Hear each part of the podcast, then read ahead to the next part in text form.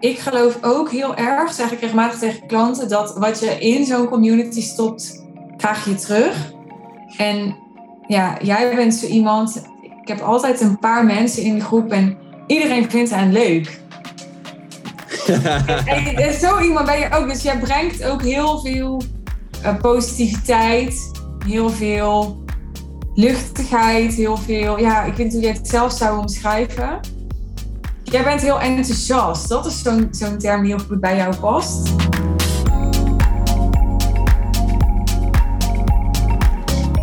Ik heb weer een prachtig klantgesprek voor je, al zeg ik het zelf.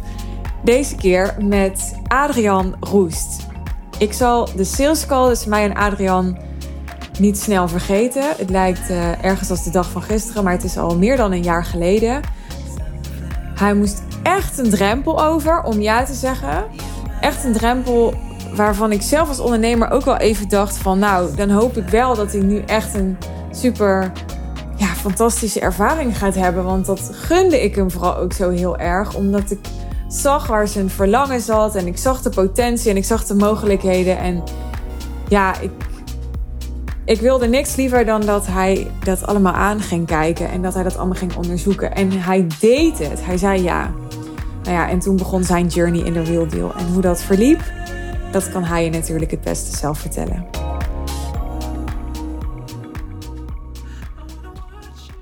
Adrian, superleuk om weer een man te gast te hebben in de podcast. Die zijn toch zeldzaam in de real deal, helaas. Onbegrijpelijk ook, maar nou ja. Hoe vond jij het, om, om dan maar meteen daar even op door te gaan, hoe vond jij het om als een van de weinige mannen tussen al die vrouwen te zitten? Is dat een soort walhalla of weet je er gek van of wat is dat? Nou, ik, ik denk dat ik liever tussen heel veel vrouwen zit dan tussen heel veel mannen. Uh, en dan zijn het ook nog eens een soort uh, gelijkgestemde vrouwen. Dan maakt het wel heel erg leuk. Nee, ik heb daar nooit last van gehad. Ik, ik denk dat ik dat zelfs fijner vond. Ik had, ik, ja, voor mij is het aantrekkelijker dat het een hele groep vrouwen was... dan dat er heel veel mannen waren geweest. Ja. Ja. Het was helemaal niet mijn plan om hierop door te gaan. Maar nu we het hier toch over hebben, ik vind het eigenlijk wel een interessant onderwerp. Want jij bent dus coach als man. En heb je dan ook meer dan gemiddeld vrouwelijke energie of zo, denk jij? Denk je dat je dan uh, toch uit een soort ander hout gesneden bent dan een gemiddelde man? Of hoe, hoe kijk jij daar eigenlijk naar? Ja, ik heb wel de indruk dat uh, gemiddeld meer mannen zijn die in de actie en vooruit willen en niet te veel in de kwetsbaarheid terechtkomen. Een beetje gechargeerd gezegd natuurlijk. Dat is al snel een beetje gechargeerd dit natuurlijk. En um, vrouwelijke energie die, die wat open staat, die wat zachtere kant. Wat meer open voor confrontatie met jezelf en ontwikkeling en verbinding met anderen. Ja, dat zit wel helemaal in me. En ik heb wel de indruk dat, dat, bij, dat ik dat bij mannen niet altijd tegenkom. Maar goed, het is ook in de, waar ik in organisaties met leiders heb gewerkt, zijn het vooral ook vrouwen. En als het mannen zijn, zijn het ook mannen die heel graag persoonlijke ontwikkeling belangrijk vinden. Belangrijk dat ze geconfronteerd worden.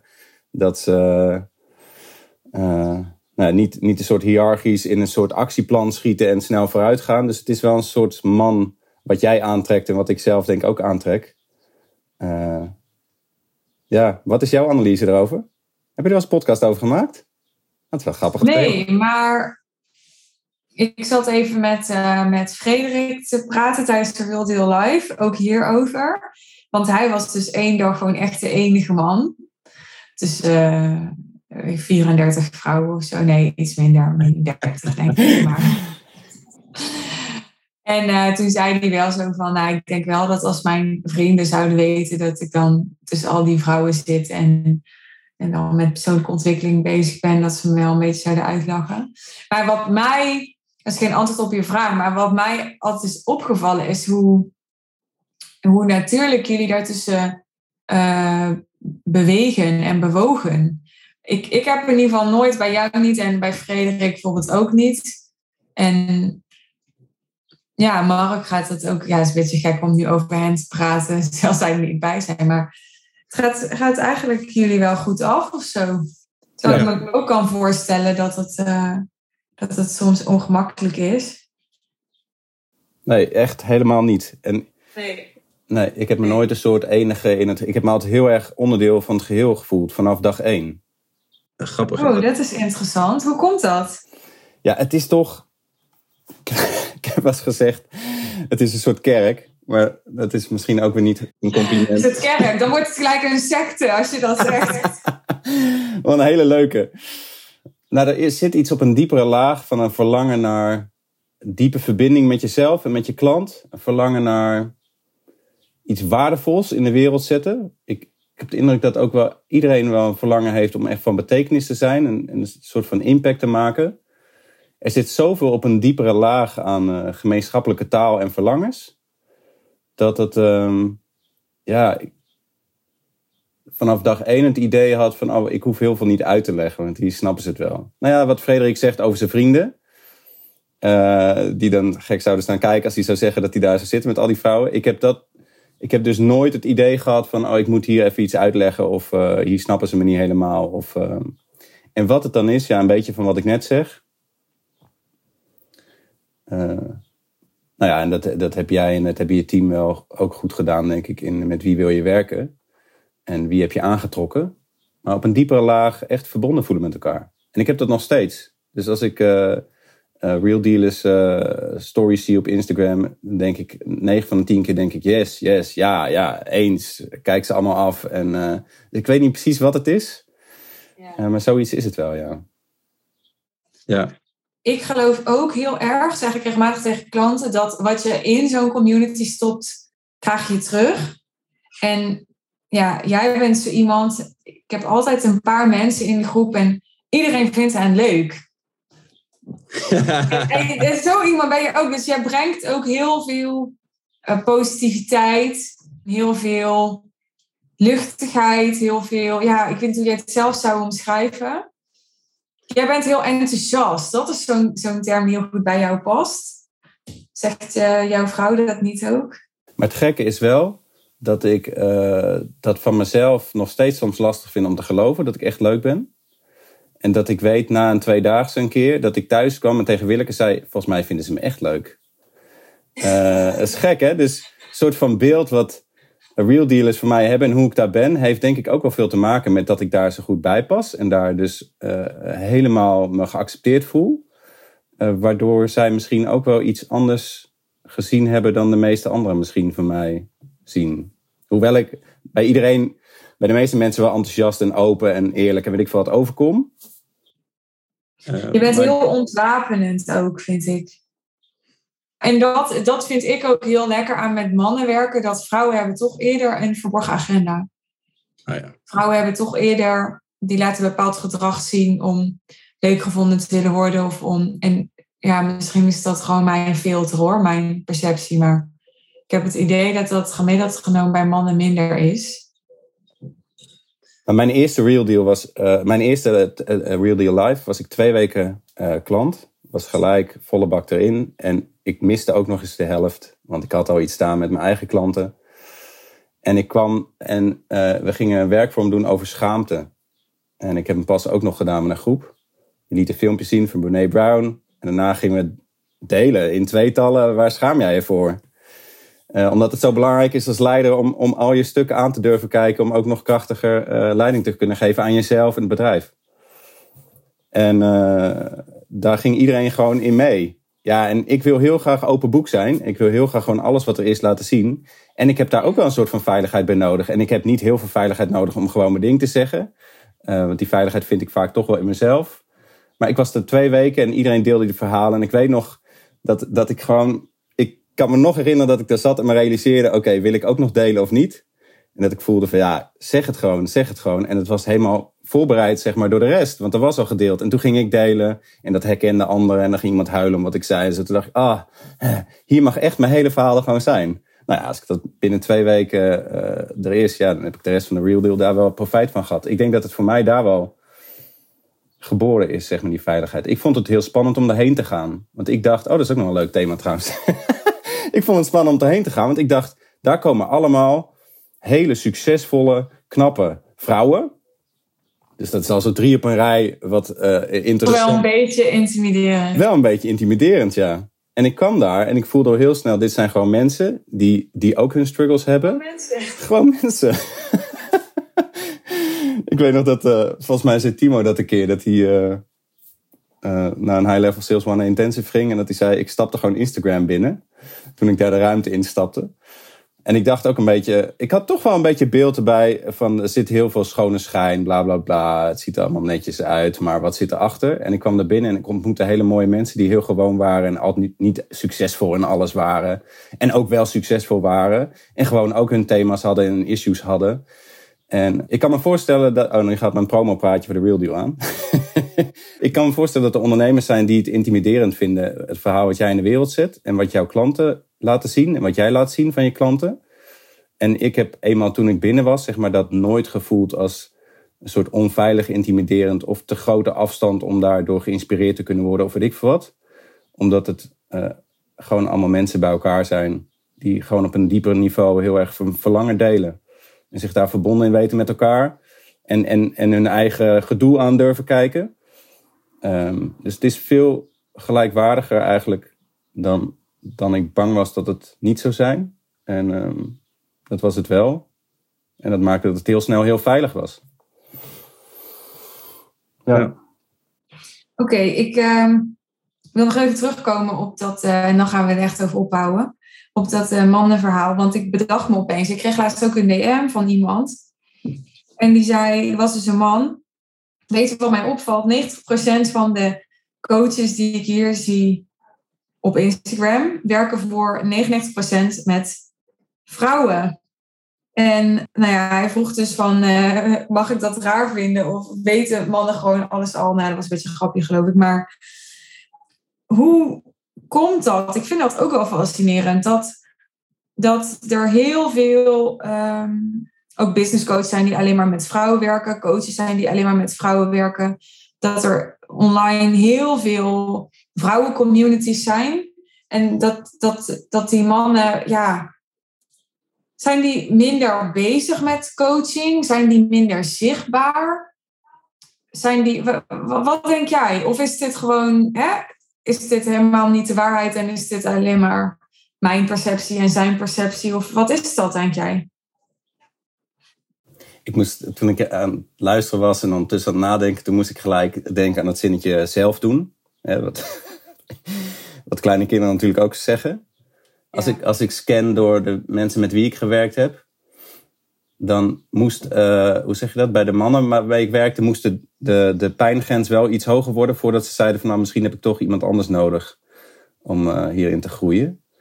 Um, dat, dat, ik, die blijft bij mij wel zingen. En ik denk dat ik die ook gevoeld heb. En dat ik daardoor ook jarenlang gewoon niet met een coach ben gaan werken. Zelf doen, ik weet het wel beter, ik moet dit zelf kunnen, ik moet dit kunnen dragen. Um, nu hebben we een leuk bruggetje, want we hebben best wel alles uit de kast moeten trekken voordat jij klant werd, toch? Ja, ja. Was niet zo eenvoudig. Nee. Nou ja, de, de, de grap was dat ik.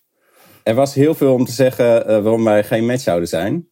Alleen al omdat ik toen nog afhaakte op vrouwen die veel aandacht aan hun uiterlijk besteden. ik zit naar jou te kijken nu. Ik denk, hoe zou ik dat zeggen? Ik heb je misschien ook wel eens een modepopje genoemd of zo. Weet je wel, ja, nee, maar dat is in ieder geval niet waar ik mee ga werken. Zoiets. En een vriend van mij adviseerde ook nog van, nee, maar misschien moet je niet met haar gaan werken, met dit bedrijf. En dat waren allemaal stoere mannen, een soort sales-tijgers. Want wat, ik gewoon nieuwsgierig, hè? welke weerstand roept dat op dan? Ja, er is veel veranderd wel sindsdien. Ik denk wat ik uh, toen wel nog sterk voelde is, uh, of dacht, ik denk niet dat ik het voelde, ik denk dat ik het vooral bedacht, uh, van een soort contrast tussen een buiten- en een binnenwereld. Van oh ja, een buitenwereld die er dan heel mooi uit moet zien. En een binnenwereld, hoe echt is die eigenlijk? Ja, dus je denkt, er kan niks zijn. Nou, ik, misschien niet niks, maar ik, ik weet dat ik dat heel verwarrend vind. Als een buiten en een binnen niet helemaal ehm, uh, synchroon zijn zeg maar, met elkaar. Dat ik dan uh, een beetje in de war kan raken als iemand iets zegt en ik denk van ja, maar shit, meen je dit echt? Voel je dit echt? Weet je dit zo? En misschien dat ik daar een beetje bang voor was. Maar dat is grappig, want je zegt dus eigenlijk even ik gebruik jouw woorden, hè? als een vrouw dus, I don't know, bovengemiddeld aandacht aan haar uiterlijk besteedt, ik denk dan gelijk, doe ik dat? Maar goed, dat is een andere discussie. dan, dan roept dat dus bij jou op dat buiten- en binnenwereld niet congruent zijn. Nou, dat riep het zeker. En daar heb ik wel wat inzichten in opgedaan het afgelopen jaar. Dat dat dus ook heel anders kan zijn. ik weet Nee, het het met is geen oordeel, maar het is meer gewoon dat ik even probeer het te snappen van hoe werkt dat dan? Nou ja, kijk, ik heb, ik heb ook bij Instagram nog steeds wel eens... En, en nu ken ik eh, best veel mensen die ik volg en die, ma- die ons volgen. Eh, maar dat, een, een, dat ik verhalen zie in de stories... en dat ik denk, ja, maar volgens mij is er nog een verhaal daarachter. Weet je wel? En zie ik wel het hele verhaal. Is dit het echte verhaal? Is dit echt wie je bent? Oké, Eh. maar dat is Instagram, dat begrijp ik. En ik denk Ja. ook dat heel, dat heel veel op Instagram inderdaad heel eenzijdig en plat is en zo. Maar jij is- linkt dus ook aandacht besteden aan je uiterlijk door een vrouw aan Instagram. Ja, nou ja. Nee, de dat grap is dat ik, dat ik heel lang, ik denk toen no- nog gezegd zou hebben: ja, Suus, eh, zonder, zonder make-up vind ik je het mooist. Zoiets, weet je wel. Ik wil je gewoon zonder make-up zien, want dat is gewoon wie je bent. Zoiets. Ik heb ook nog niet zo heel lang, dat was al wel voor de real deal, maar dat ik bijvoorbeeld gewoon een kapper uitzocht waarvan ik dacht van, eh, oh, die kan echt iets moois van mijn haar maken. Ik heb heel lang gedacht van, ja, dat hele uiterlijk. Dus ik, ik heb zelf gewoon heel lang gescheiden, uiterlijk en innerlijk. Zeg maar, uiterlijk Oh, is, je vindt dat gewoon niet interessant en dan wil je dat afleiden. ik vond het afleiden. En ik ben nu nog een beetje aan het zoeken hoe het, zich, hoe het kan versterken. En ik heb een leuk gesprek met Lotte daarover gehad voor een, eh, een keer een eh, Real Deal event. Er kwam zo'n mooie, eh, voor je trouwe volgers die weten dat, zo'n eh, zo'n dresscode, instructie-achtig ding. En daar heb ik een heel gesprek met haar over gehad. En dat was super leuk, want wat zij daarover deelde was: het helpt mij bijvoorbeeld om nog meer in mijn kracht te kunnen gaan staan. Ik vond het heel fascinerend. Dus ik associeer het met: ehm, het helpt je om je kwetsbaarheid te verdoezelen, weg te stoppen. Ja. Maar het was van de andere kant, zeg maar. Nee, het juist helpt, helpt me juist om nog meer in mijn kracht te staan. Dus ik heb daar wel wat mindshifts in gemaakt. Maar dat was dus wel.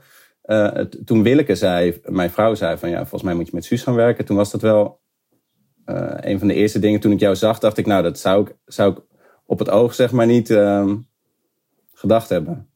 Nee, je bent niet de enige, denk ik.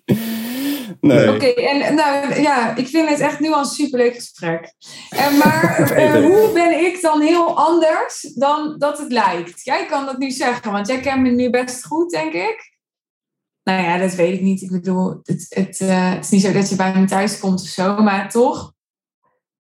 Nou, kijk, eh, ik denk, wat ik net al een beetje zei, wat ik dus heel prettig vind in ehm, eh, contact met mensen, en wat wij in onze coaching trouwens ook, waar het over gaat, is dat het echte verhaal en het leven, zeg maar, gewoon één geheel zijn. Dus wie je bent, dat is wat ik krijg, en wat ik krijg is wie je bent, en dat dat klopt met elkaar. Dus dat er niet een soort buitenwereld is die de binnenwereld moet verdoezelen of mooier voordoen of weet ik veel wat. En wat ik zo fijn vind bij jou, is dat het dat ik gewoon jou krijg. Dat het volgens mij wat jij zegt is gewoon waar jij zit en waar je staat. Wat je lastig vindt, deel je ook. En, en wat je echt stom vindt, deel je ook. Jij, laat, jij zegt gewoon wat er is. Ehm, dat vind ik heel fijn. Dat is heel veilig voor mij. Ehm, en vervolgens mag ik in dat verhaal ook nog eh, er zijn. Weet je wel? Is het ook nog gelijkwaardig? Ehm, ik, ja, ik, wat ik heel erg zoek in een coach is iemand die mij niet weg laat komen, bijvoorbeeld. Met mooie praatjes. Dat, dat lukt mij wel, weet je wel. Ik kan een beetje lullen en iemand denkt, oeh, die eh, weet wel veel of die lult wel makkelijk. eh, nou, en dan is het gesprek voorbij.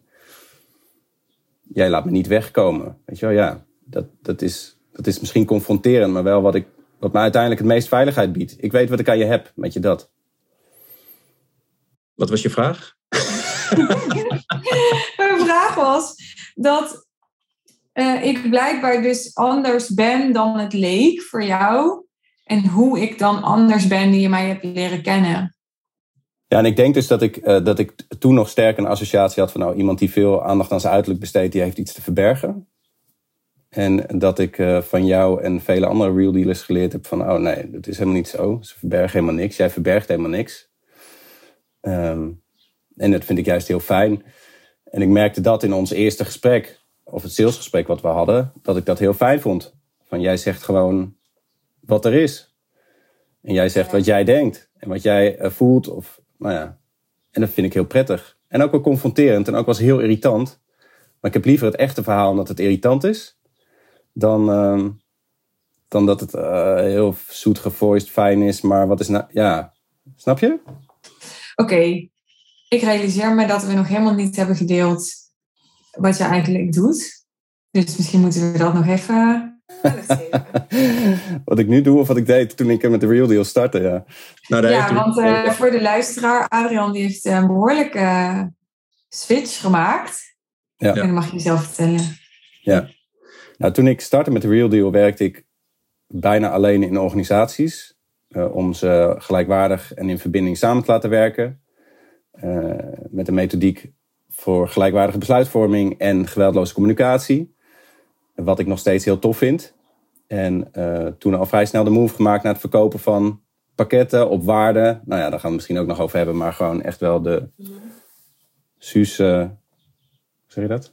Nou, whatever. Echt de real deal. ja, want toen je bij mij, bij mij kwam, toen verkocht je losse trainingen? Of ja, losse trainingen, workshops, lezingje. Ja. Maar losse hapsnap dingen, zo zei ik het vaak, hapsnap dingen. En vaak kon ik het niet echt afmaken. En dan was ik ontevreden, want ja, ik wil echt, ik wil impact maken, ik wil van betekenis zijn. En ik zeg het nu nog steeds vaak uh, bij klanten. Ik zeg, als je er niks mee doet, als je hier niks aan hebt, moet je het gelijk zeggen. Want dan is het voor mij ook niks waard, weet je wel. Uh, ik wil alleen dat geven wat jou echt verder helpt. En het liefst waar je op je sterfbed nog aan terugdenkt en denkt van... Uh, god, dat was wel even waardevol. Maar, maar goed, in de loop van het jaar wel veel stilgestaan natuurlijk bij wat vind ik echt belangrijk, waar sta ik voor, waar loop ik tegenaan, waarom krijg ik soms niet verkocht wat ik wel belangrijk vind, bla bla bla bla bla. En, toen ja, was het klinkt net alsof je een grote worstelaar bent, maar zo was het daar ook niet, hè? Ik grijp even in. Nee, Want je had, al, je had toch, uh, je ging dus echt naar, naar corrigeer me maar als het niet klopt wat ik zeg. Maar je, had, je vond echt een drempel om in te stappen. Je kocht allemaal losse trainingen. En je dacht echt, wow, wat een geld. En, maar toen had je echt binnen zes weken of zo had je een 30.000 euro aanbod verkocht. Ja, ik had binnen zes weken terugverdiend. Ja. Wat helemaal te gek is. En daarna nog allerlei mooie dingen verkocht. Dus... Um... Ja. Ja, ik wilde het toch even noemen. Sorry hoor, maar... Het is echt Jij had het misschien alweer vergeten, maar ik niet. Nee, nee, nee. Het is echt en-en. Want het heeft ook wel echt als een worsteling gevoeld. En ik heb er zoveel uitgehaald. En, ook, en, en ik heb het dubbel en dwars een paar keer over de kop terugverdiend en zo. Weet je wel dat? En die worsteling heeft me wel gebracht op het punt waar ik nu sta. Dat ik op een gegeven moment samen met Willeke, mijn vrouw, voelde van... Ja, maar dit willen we echt. Want ik deed al langer wel dat wij stellen coachten. Met z'n tweeën. Um, met onze achtergrond in verbindende communicatie. Uh, Willeke de uh, paardencoaching achtergrond met de paarden achter ons op het erf. Helemaal te gek, maar nooit gedacht dat we daar een business op konden bouwen. Dat was echt een soort hobby. Uh, projectje. Ja, jij weet het allemaal, maar ik denk even voor de luisteraar. Ja, nee, maar ik zie het ook meteen helemaal voor me. Want elke keer als ik jouw stories zie met die paarden en zo, dan denk ik, oh ja, ik wil daar ook naartoe. Ja, welkom. Ik ben nog een man, weet je wel. Maar dan denk ik oh heerlijk, op die stoeltjes met die paarden en zo. Ja, ja het is echt te gek. Maar gewoon, uh, uh, het is nooit een, misschien wel een stiekem gedachte, maar we hebben nooit gedacht dat we daar serieus een business op konden bouwen. En dat kwartje uh, viel pas begin dit jaar dat we zeiden, ja, maar als we zo voelen dat we dit willen doen, dat het zo klopt en dat voor de klanten die we hebben het zo van betekenis is, dan is dit toch uh, wat ik wil. Ja. En dat was wel mooi. Ik vertelde het aan mijn collega's van Samenwerkt, waar ik dat werk in organisaties doe. En ze zeiden van ja, maar wil je dan hiermee stoppen? Ja, dat, dat klinkt dan zo hard, hè, dat ik hiermee wil stoppen. Maar ik wil natuurlijk het doen wat ik het allerliefste doe. En wat ik het allerliefste doe, is met Willeke die stellen coachen. Uh, ja. Dus ja, als dat betekent dat er iets gaat stoppen, uh, ja. dan, dan is dat zo. Want dit is wat ik het allerliefste doe. Dus dat is wat we nu doen ondernemers die ook wel wat succesvoller in de liefde willen zijn. Die ja. coachen wij uh, samen met z'n tweeën.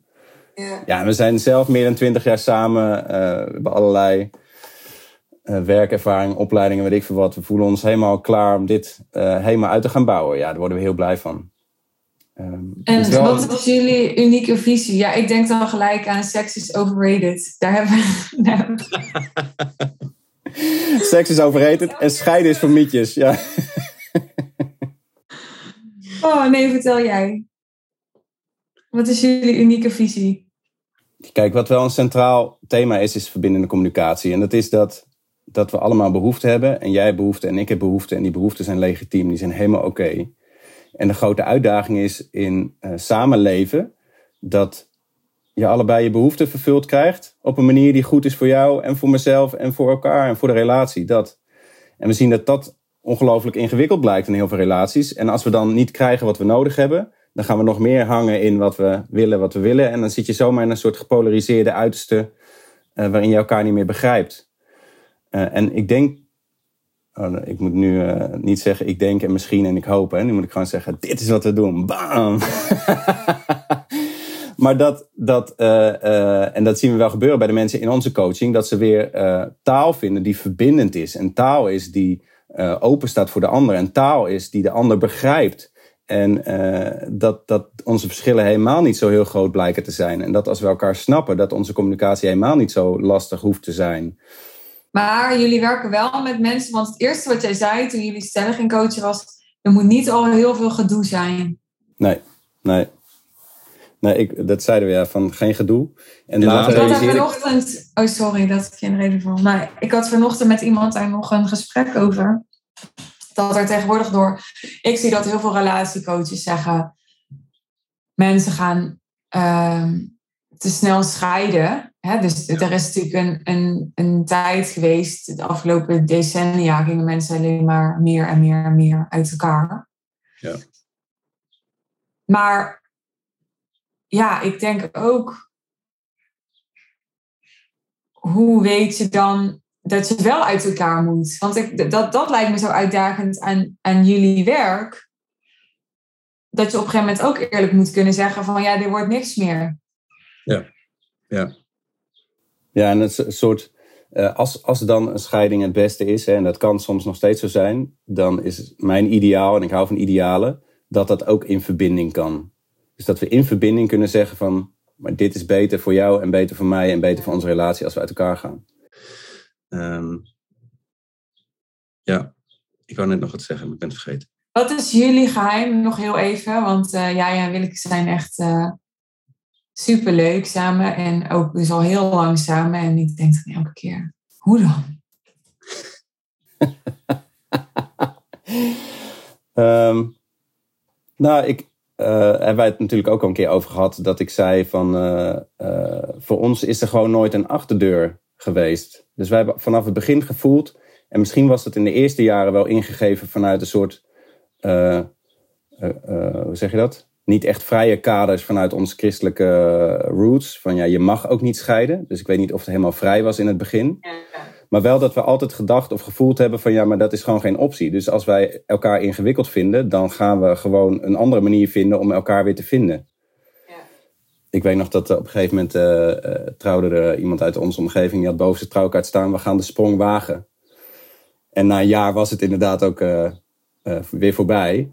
Wij hebben gewoon nooit die intentie gehad van we gaan de sprong wagen. Wij gaan dit gewoon, wij gaan dit gewoon doen. Dit gaat gewoon werken.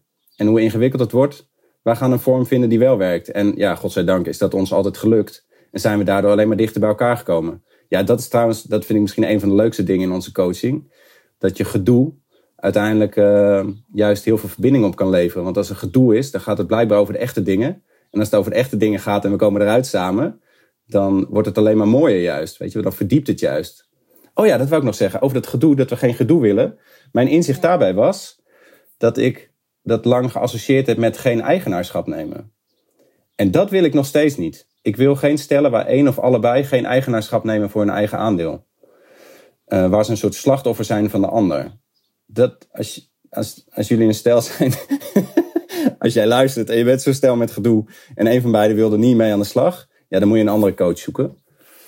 Um, en, en als je allebei graag wil en als je allebei eigenaar wil zijn, als je allebei zegt van ja, of het nou voor de kinderen is of voor elkaar, we willen hiervoor gaan, dan kan het gedoe wat mij betreft niet, hoeft niet groot genoeg, hoe zeg je dat? Kan niet groot genoeg zijn. Dan is de intentie in ieder geval op de goede plek. En daar willen wij heel graag mee werken. Ja. Mm -hmm. Ja. Ja.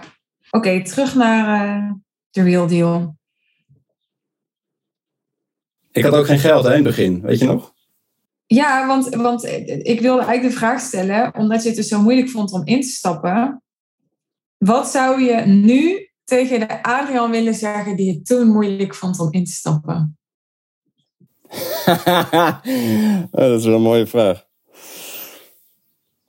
Ja, misschien wel wat jij toen zei tegen me. Jij kunt dit dragen. Ik geloof dat jij dit kunt dragen. Zoiets zei je tegen mij. En ik geloof dat niet. En ik had, uh, ik had, weet ik veel, ik had nog geen 10.000 euro op mijn rekening staan. En ik ging met jou hebben over een traject wat veel duurder was. Dus hoe zou ik überhaupt uh, zo'n traject kunnen betalen? Dus ik had al een backup, een vriend geregeld die dan uh, nou ja, wel een soort backup kon staan als ik het echt niet meer zou kunnen betalen. En jij zei tegen mij van, ik geloof dat je zelfs die vriend niet nodig hebt. Zoiets hè, in mijn woorden nu. Ik geloof dat jij dit zelf kunt dragen. En ik geloof dat echt niet. Dus als ik nu iets tegen mij van toen zou kunnen zeggen, dan zou ik zeggen, ja, ja ze heeft gelijk. Je kunt dit zelf dragen. En de grap was dat ik dus binnen zes weken uh, het alweer terugverdiend had. Dus ja. ja. Maar dat zag ik echt niet. En jij wel. En ik geloofde jou. En, uh, en ik had stiekem die vriend wel als backup natuurlijk. Dus ik had wel een soort achterdeurtje in mijn hoofd nog van ja, maar shit, stel dat toch. Daar wel een achterdeurtje. Dat is ook niet congruent. Maar dat was een helpend achterdeurtje. Dat was niet om. Uh, want ik wist, ik kon niet onder jou uit. Ik kon niet onder jou uit. Ik zat, als ik ja zei, zat ik een jaar aan je vast. Dat wist ik. Nee, daar maak je grap over natuurlijk. Maar voor mij is dat het een jaar is, is voor mij wel echt heel helpend geweest. Oh ja, vertel daarover. Waarom? Die hele shift naar relatiecoaching uh, uh, kwam ook later dan een half jaar nadat ik gestart was. Ja. Ja, ik zie echt, er komen wel vaker mensen voorbij die zeggen, nou een jaar vind ik wel heel lang. Nou, ik vind een jaar heel kort. Ja, ja. Toch? Nou, het gekke Eigenlijk is... had ik, ik had je toen gewoon al voor twee jaar moeten tekenen. Maar ja. ja, nou er zit een soort... Ben ik, heb ik uh, gevraagd hè, aan mensen tijdens de Real Deal Live van ja, wie zou wel voor drie jaar willen tekenen of zo. Ik denk echt, dat lijkt me echt fantastisch. Ja, ja, ja. Ik geloof daar wel echt in, ja. Nou ja, en wat ik wel merk in, in wat ik zelf uh, verkocht heb en verkoop, is dat ik dan een soort zorg heb van, uh, ja, dan, dan, moet, dan moeten mensen nog meer waarde ervan zien. Dan wordt de drempel nog groter om in te stappen. Tegelijkertijd heb ik natuurlijk bij jou gezien dat daarmee de, het commitment ook zomaar veel groter is. Maar ik denk, ik denk dat voor mij is dat denk ik het spannendste element. Van, maak ik dan de drempel niet te groot voor mensen om überhaupt in te stappen? Terwijl als ik geloof in, in de waarde die het op kan leveren en wat ik ze graag wil brengen en wil geven, dan is het misschien juist heel erg helpend. En voor mij heeft de Real Deal dat wel echt betekend. Dat ik, en ik had wel kortere trajecten gehad met andere coaches, maar dan, ja, dan was het nog veel minder af en dan was het alweer voorbij. Wat ik ook lekker vind als ik wegga in mijn eentje, is dat ik twee nachten weg ben. Dan heb ik niet dat ik op dag twee al weer naar huis moet. Snap je? Dus ik heb. En dat is voor mij de real deal. De real deal is een soort van drie nachten of langer weg. Ja. Ik heb een startdag en ik heb een einddag, maar ik heb daartussenin ja. ook nog een dag. Dat ja. Grappig. Maar overweeg je wel eens om überhaupt het jaar los te laten en alleen nog maar naar twee jaar of meer te gaan? Of zou dat, zou dat toch ook de drempel dan te hoog maken? Oh, wat een interessante vraag. Nou, het eerlijke antwoord is dat heb ik nog niet. Zover was ik nog niet in mijn denkproces. Ik denk dan altijd. Ik heb helemaal ook nog niet het besluit genomen van. Oh, ik ga drie jaar aanbieden. Maar ik ben dan. Ik had eigenlijk ook niet het besluit genomen. Ik ga nu een diamond aanbod aanbieden. Maar daar ga ik dan gewoon bij mensen over praten. Zo van. Nou, hallo, willen jullie dit kopen? En als dan iemand komt. En ik wil het wel kopen. Dan, nou, dan heb ik het opeens verkocht. Dat is meer een beetje hoe dat werkt bij mij. En dan heb ik ook voor mezelf de drempel laag gemaakt om. Uh, uh, ja, ik zie mensen soms echt zo van. Ja, ga ik dan nu dat besluit nemen om dat te doen? En uh, ja, dat, dat vind ik het vrij snel heel zwaar maken of zo. Niet dat het, soms kan het heel goed zijn, hè, om, dat zeg ik ook tegen klanten, van neem een beslissing. Want dan gaat er iets veranderen. Maar het kan ook heel lekker zijn om, om gewoon een beetje zo, zeg maar, hengeltjes een eindje verderop uit te gooien en te zien of, snap je, of er iemand ja. bijt. Ja. Dus um, ja, ik heb meer emo. Nou, ik ga dat gewoon eens een keer. Ik kan me niet voorstellen dat ik een jaar helemaal zou loslaten. Ik, um, ik denk ook dat dat niet per se wenselijk is. Ik denk ook altijd, wat zou ik zelf willen? Nou, ik heb zelf een jaar altijd heel fijn gevonden meteen gelijk intekenen voor drie jaar, weet ik niet. Maar ik geloof wel heel erg in mensen die een jaar hebben gedaan met wie ik iets heb opgebouwd. Die echt fantastische resultaten hebben bereikt. En dan zeggen van oké, en nu gaan we echt next level committen aan elkaar. Zo zie ik dat meer. En dat iemand dan voor twee of voor drie jaar uh, tekent. Ja, dat lijkt me echt te gek. Ja, ja. ja. Grappig, ja. Terwijl ik je hoor, denk ik gelijk... Uh, uh, het zou de investering spannender maken voor mij. Twee jaar, qua geld. Gewoon een geldinvestering. Maar ergens voel ik ook gelijk nog meer vertrouwen. Maar dat niet weg kunnen komen. Ik weet gewoon dat dat me wel helpt. Ja. ja, en ik zie ook gewoon bij mensen dat als ze dan, jij hebt het dan over die dagen weg, maar ik zie dat ook in dat jaar. Dat als mensen dan nog drie maanden hebben of zo, dan gaan ze echt zo van ja, en ik heb nog twee sessies. En dan zijn ze als het van daar naartoe aan het werken of zo. En dan, ik vind dat best wel afleiden ook.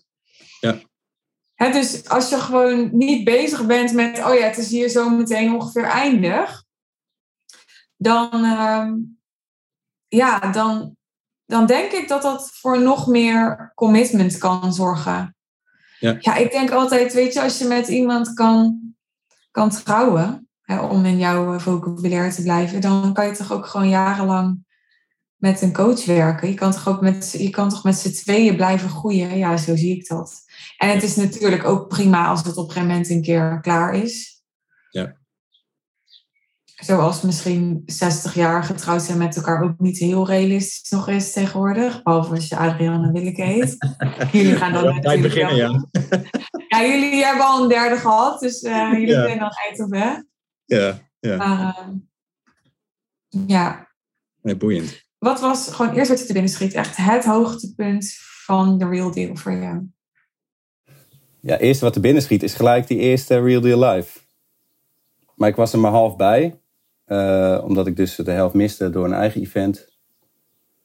En, ik, en niet dat het. Oh ja, het is grappig. Het, het, het is denk ik wel, er zijn veel meer hoogtepunten. Maar ik blijf gewoon op die eerste dan hangen. Dat is het denk ik meer. Ja, die maakte misschien de meeste indruk. Omdat het de eerste keer was dat je dacht, wow, waar ben ik? Ja, het was echt een warm bad.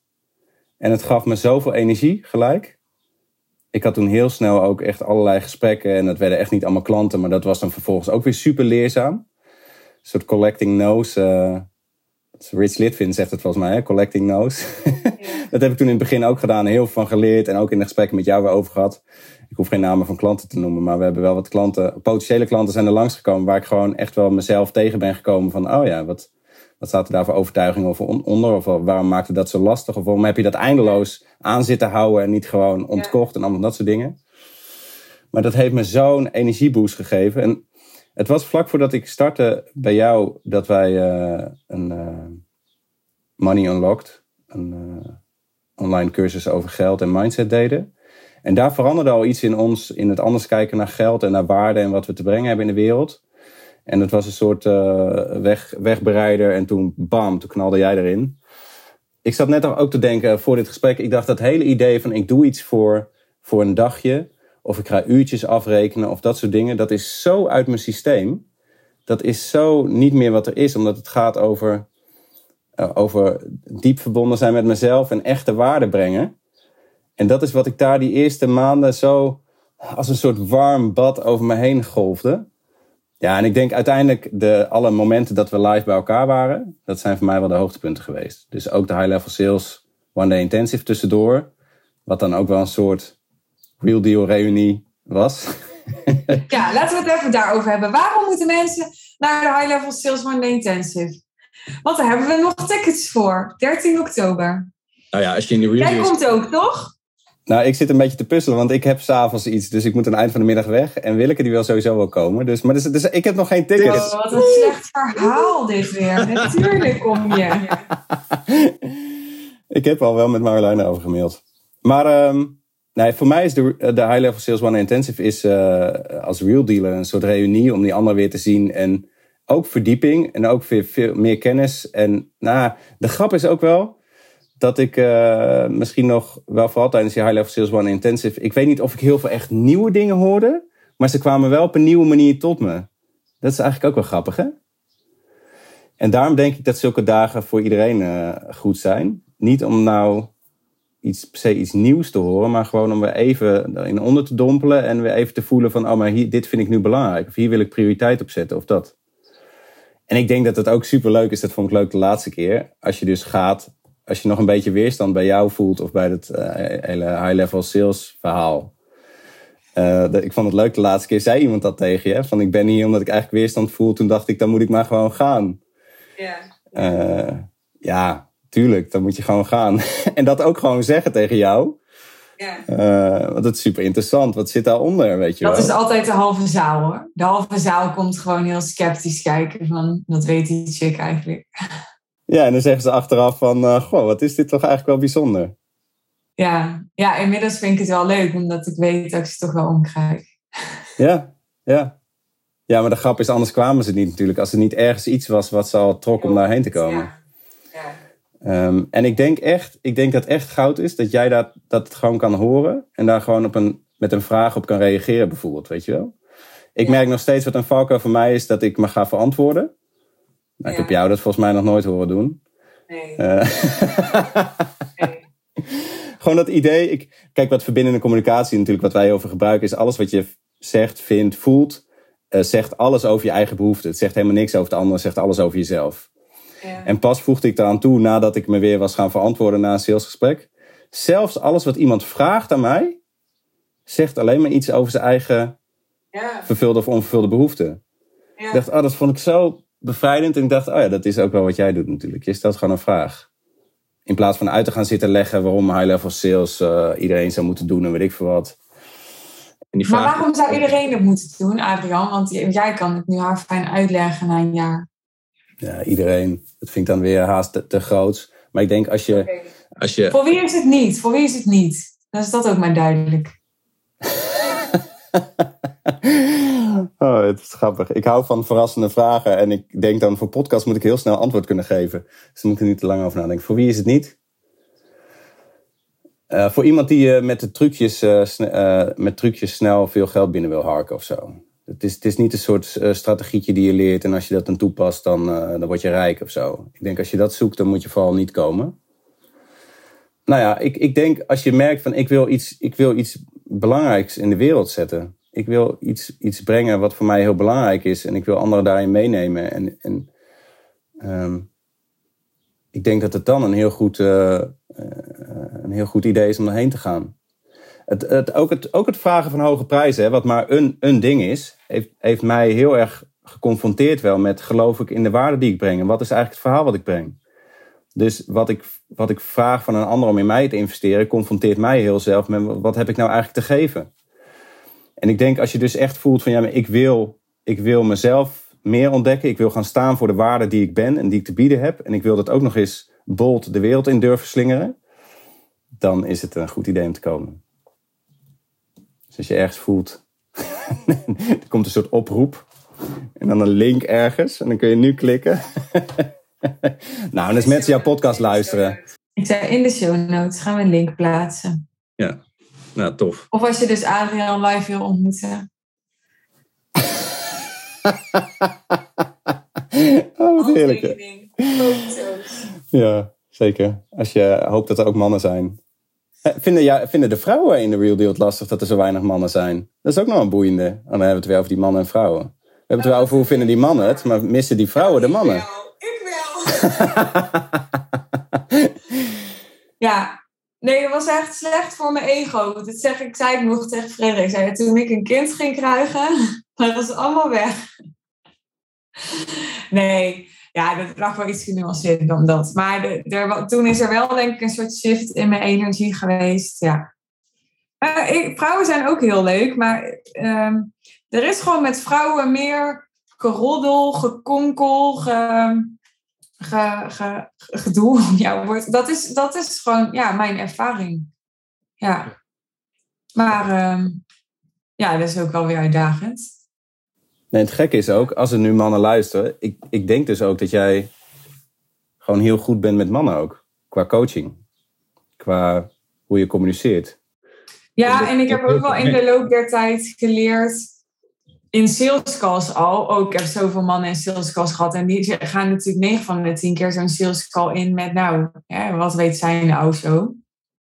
En ehm, ja, ik, ik, ik ga me dus niet verantwoorden of bewijzen. Dus ik ga dan gewoon, als zij helemaal zo achterover gaan zitten, van nou, ga je het maar zeggen. En dan ga ik ook achterover zitten, zo van nou, ja, jij hebt toch een probleem of niet al? Waarom zit je hier anders? Weet je, ja, ik heb geen probleem. Ja, ja, ja. En dat, ja, dat ik kan ze best wel goed daarmee dan uit de tent lokken. En ehm, ja, dat vind ik ook wel een leuk spelletje met mannen, denk ik. Ja. Nee, dat is grappig. eh, eh, ik maakte vandaag nog stories natuurlijk over mijn traject met jou. Maar je doet gewoon iets waar je heel goed in bent. En ehm, als je wil dat, eh, als je een coach wil die, weet ik veel, 60 is en al 10 businesses verkocht heeft en weet ik veel wat, ja, dan moet je niet bij jou komen. Ja, whatever.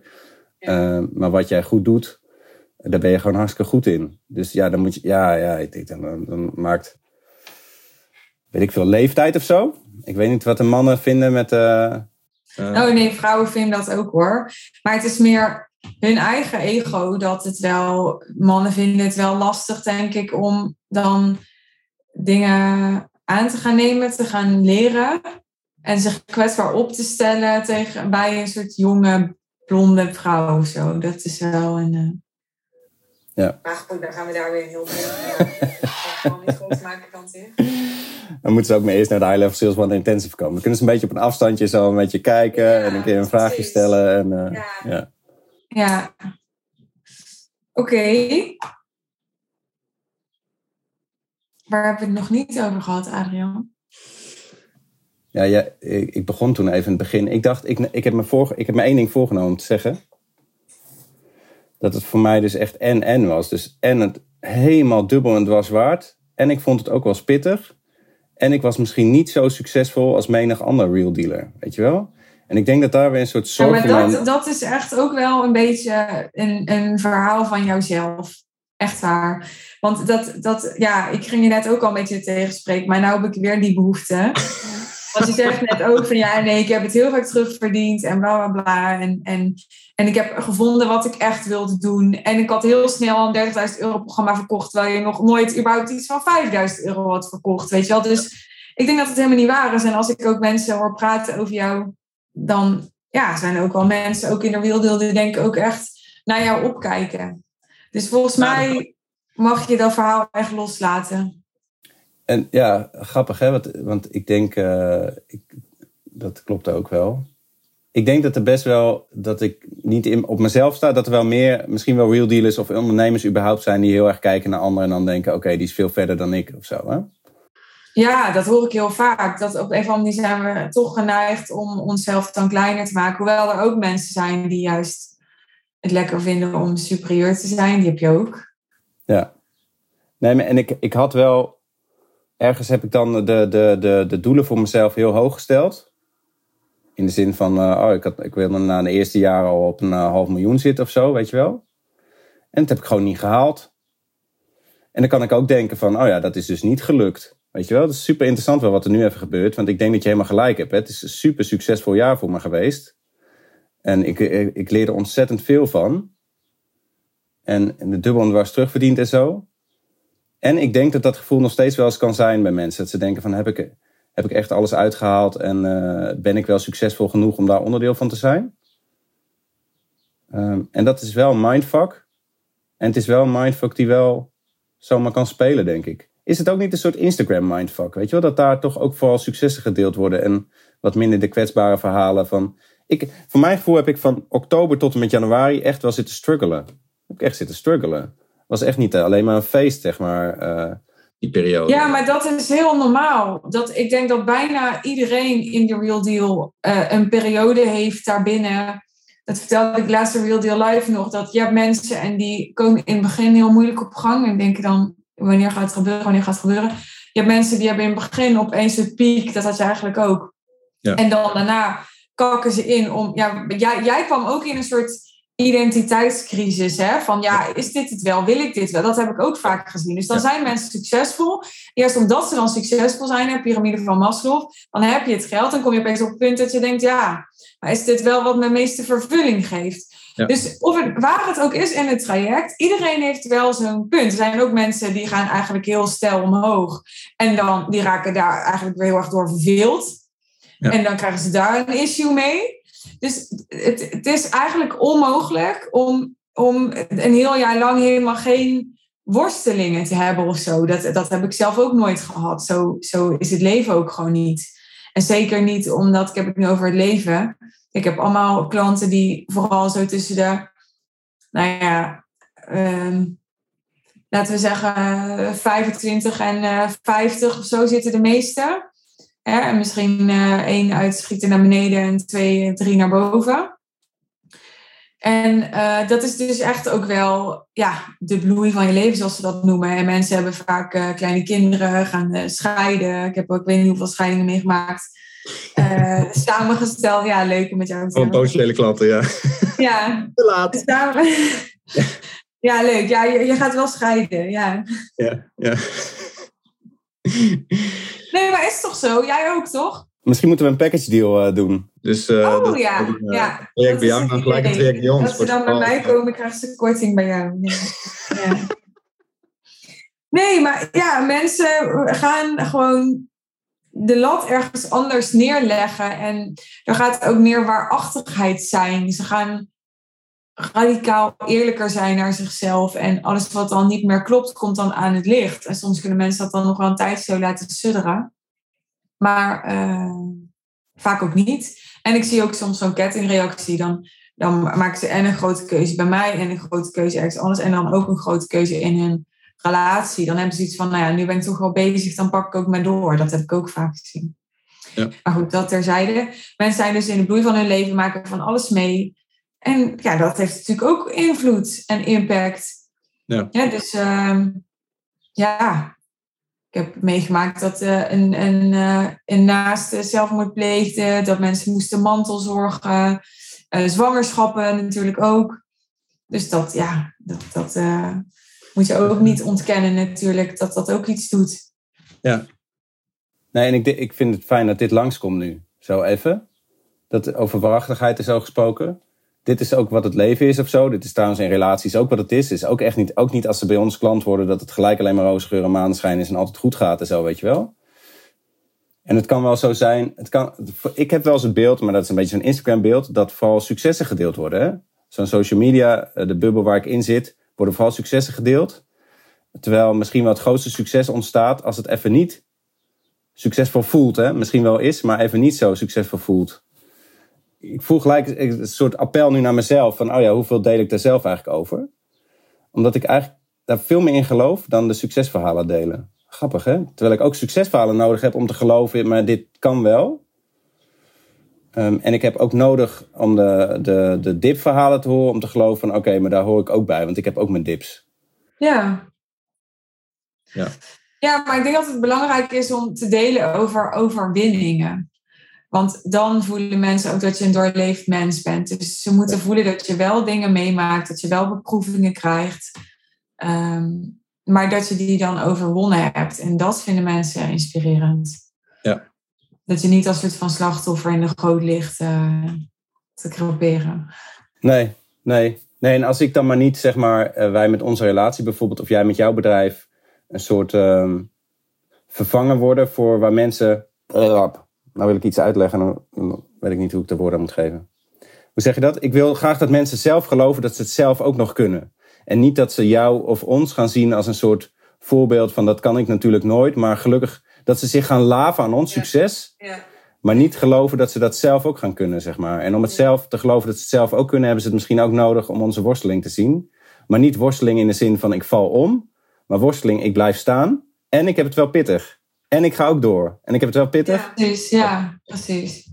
Maar ik geloof wel, want het is ook zo'n soort van opvatting in coachingsland die ik heel vaak hoor, dat, dat mensen niet afhankelijk gemaakt mogen worden van coaches. En hè, dat, dat je het alleen ook wel redt, maar dat het met een coach sneller gaat of zo. En daar ben ik het, nou ja, in ieder geval met de laatste ben ik het gewoon vaak niet eens. Ik heb echt vaak tegen mensen in sales calls gezegd, dan zeg ik niet om te verkopen, maar dan meen ik oprecht. Ja, ik geloof gewoon niet dat jij zonder mij dit ook zo gaat doen. Omdat ik gewoon niemand ken. En natuurlijk, ik ben niet de enige die dit kan leren, maar ik ben inmiddels wel super ja, ervaren en behoorlijk marktleider hierin, dat durf ik dan ook alweer te zeggen. Maar ik, ik ken gewoon niemand die zonder zeg maar, professionele begeleiding, daarbij heb ik zelf ook altijd gehad. Dus ja, kan ook een, uh, hoe zeg je dat? Een, uh, ik kan even niet op het woord komen. Maar het kan ook mijn eigen projectie zijn. Uh, die, die ja, dit gewoon heel goed en slim en succesvol doet. Dat, dat, ja, daar geloof ik gewoon niet in. Tuurlijk, je kan vast wel ook ergens komen. Maar ja, je hebt gewoon een omgeving nodig die je uitdaagt. Want je eigen mind is gewoon zo beperkt ook. Dus ja, je moet geloven in jezelf. Ja, je moet zelfleiderschap nemen. Ja, zelfactivatie. Dat heb ik tijdens de Wild Life ook gezegd tegen iedereen. ik zei, het feit dat jij hier nu zit, betekent dat ik in jou geloof. Ik heb ook uitgelegd waarom, want dat is natuurlijk makkelijk zeggen. Maar ik zei, het feit dat jij hier zit, betekent ook dat jij in jezelf gelooft. Anders zat je hier niet. Dat vind ik heel belangrijk om mensen echt van te doordringen. Je zit hier niet zomaar toevallig. Niemand heeft je gedwongen. Niemand heeft het pistool op je hoofd gezet toen je die keuze maakte. En dus dat doe je omdat jij zelf ergens... Ja, voor de een was het heel duidelijk. Voor de ander misschien wat verder weg.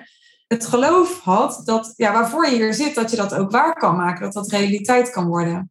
Ja. Dus dat is belangrijk. En tegelijkertijd vind ik dat je ook mag zeggen ja, ik heb gewoon dit of dat nodig om het eruit te halen.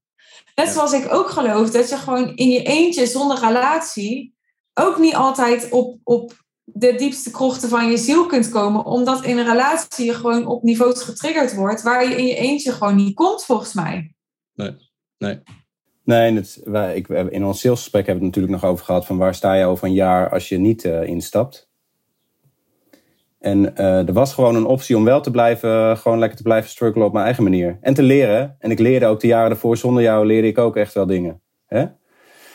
En dat zien we bij veel stellen ook. Die komen echt zonder ons, uh, kunnen ze echt ook nog wel een, een, keer een cursusje doen of een boekje lezen en uh, een soort stappen zetten. Maar wat, wat zonder de real deal was ik nooit op het punt gekomen waar ik nu sta. Dat durf ik wel te zeggen. Zonder jouw coaching was ik daar nooit gekomen. Ja, nooit gekomen, dat klinkt er weer zo voor hetzelfde geld wel, maar niet op dit moment. Dan had ik niet op dit moment gestaan waar ik nu sta. En dat is grappig. Dat je doet daar, of ik kom er nu een soort bold over daarin. Dat ik denk, oh, dat wil ik ook gewoon meer. Want ik geloof dat het bij in onze coaching bij Stellen net zo is. En daar hou ik me toch een beetje op in nog. Ja. Ja, nee, zonder ons ga je gewoon echt lagen niet vinden bij elkaar. En, en, en ga je elkaar misschien überhaupt wel überhaupt niet meer vinden, weet je wel? ik merk dat ik dat lastig vind om zo'n statement te maken. Terwijl ik dan denk, ja, bij jou heb ik dat toch ook gezien, dat het gewoon waar was. En dat jij wel geloofde in me, dat heeft me geholpen om, om me eraan te committeren. Ja. En wil je delen wat jullie vragen voor je relatiecoachingstraject nu? wat ik altijd leuk vind. Ik had met, op een gegeven moment, uh, met wie was het? Met Marieke onder andere. Hadden we een soort groepje met zielige prijzen. Heb ik dat wel verteld? Groepje met zielige prijzen. Dit hoor ik echt voor het eerst. Wat is dit? Is dit een subgroep? nee, er waren dan... En ik verkocht natuurlijk ook een organisatie aan een traject voor 30.000. En, uh, en toen ging ik een, uh, een leiderschapstraject doen. En daar vroeg ik toen 7.500 euro voor. Dus geneerde ik me gewoon een beetje voor binnen de Real Deal groep. dacht van ja, nee, dit, kan ik gewoon niet noemen. Dit is gewoon echt te weinig, zeg maar, voor echt een high-level sales uh, verhaal. En uh, toen had ik met Marieke daarover. Toen hadden een soort, wie vraagt nog meer? Een beetje zielige prijzen onder de 10.000. Zo. Wij hebben nu een traject van 4 tot 6 maanden, waar we 8500 euro ex-BTW voor vragen. En voor mij klopt die nu. Ik wil niks zeggen, maar dan denk ik, dan ga ik je ook wel een beetje voor het blok zetten. Oh, zeg eens. Ja, ik dacht gelijk, je was toch al bij 15? Wat is ja. dit voor een fucking terugtrekkende beweging? Zullen we dat vanaf vandaag doen dan? Ja. Nou ja, Dit krijg je, hè? Want je bent nu uh, twee weken niet meer bij mij. Is opeens ja. die prijs gehalveerd. Ja. Dit is gewoon live wat er gebeurt, mensen. Echt, ik zweer het. Dit is gewoon live wat er gebeurt. Ja, daarom is dat jaar dus niet lang genoeg, hè? Dat jaar, je moet het... nou ja, grappig, hè? Nee, ja, ja, ja, ja, wat gebeurt er nu? Nee, ja, eh, ik, ik maar denk goed, nu, oké, nou, nou ja, ik, nu wordt het leuk. En nog heel even door. Zo kom ik zo terug op die prijs. Maar nou heb ik dus gezegd, oké, je bent sinds een paar weken of zo is je, je jaar afgelopen. Ja. En nu denken mensen, ja, als je het dan zo hebt terugverdiend en al die dingen, waarom ga je dan niet nu verlengen? En nu komt het toch te sprake, dus laten we het daar dan ook hebben. Oh, dit, oké. Over twee of drie jaar. Oh, heel veel is erover te zeggen. Wat zal ik erover zeggen? Blablabla. Dat, dat wij eh, op die relatiecoaching helemaal kwamen gebeurde ergens in februari, maart.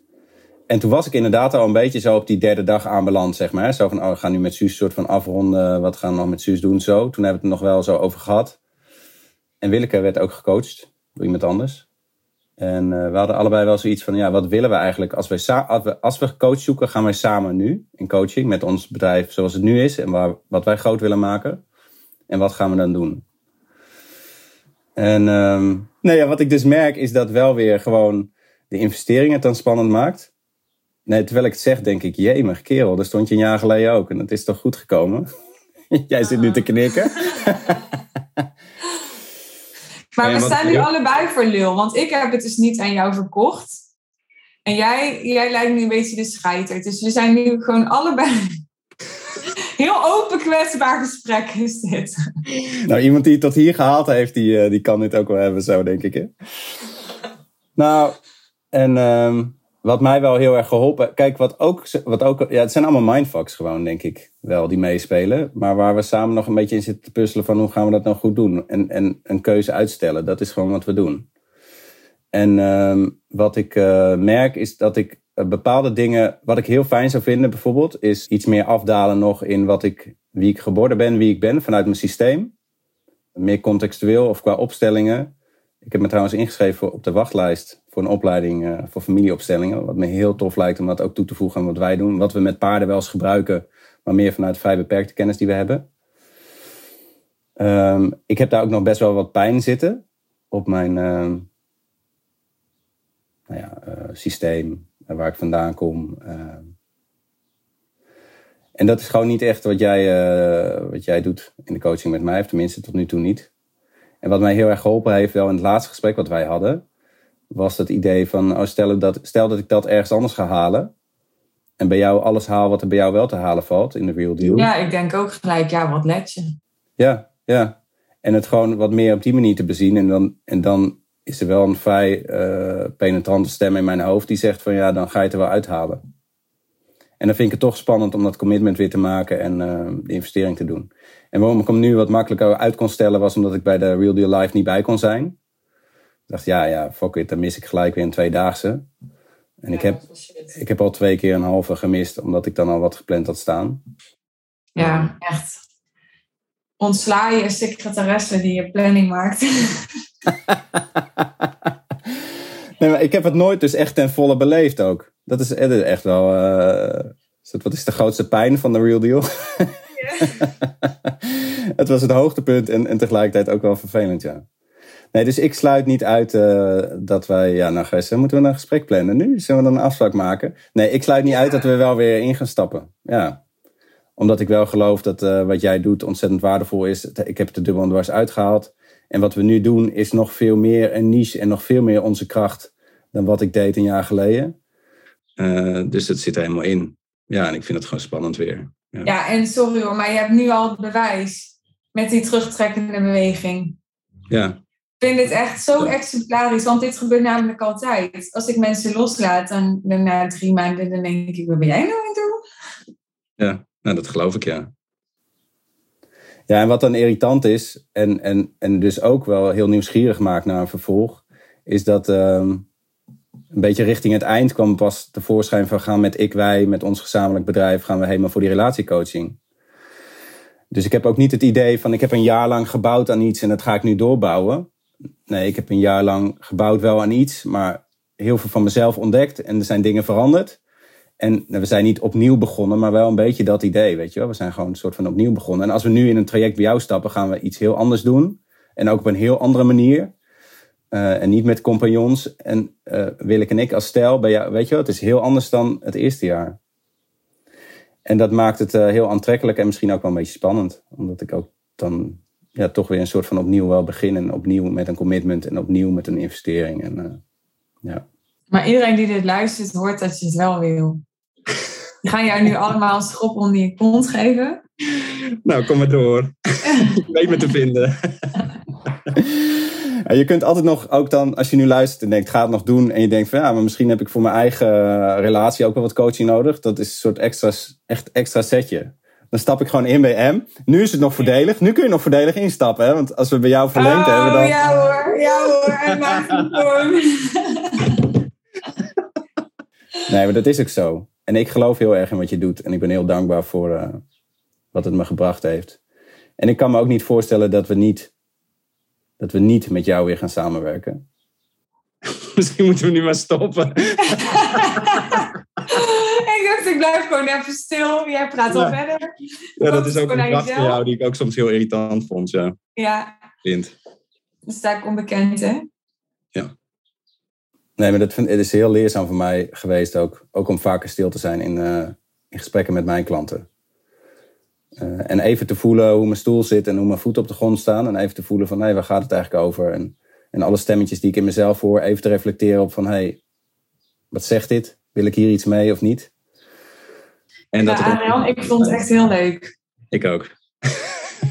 ja, elk klantgesprek is leuk, maar dit was wel, ja, dit is misschien wel mijn favoriet. Oh, yes! Of is dit, uh, dit, is, dit is sales? Dit is sales! nee. nee, leuk. Ik vind het ook heel leuk. Gaaf. Oké, okay, dankjewel dat je er was.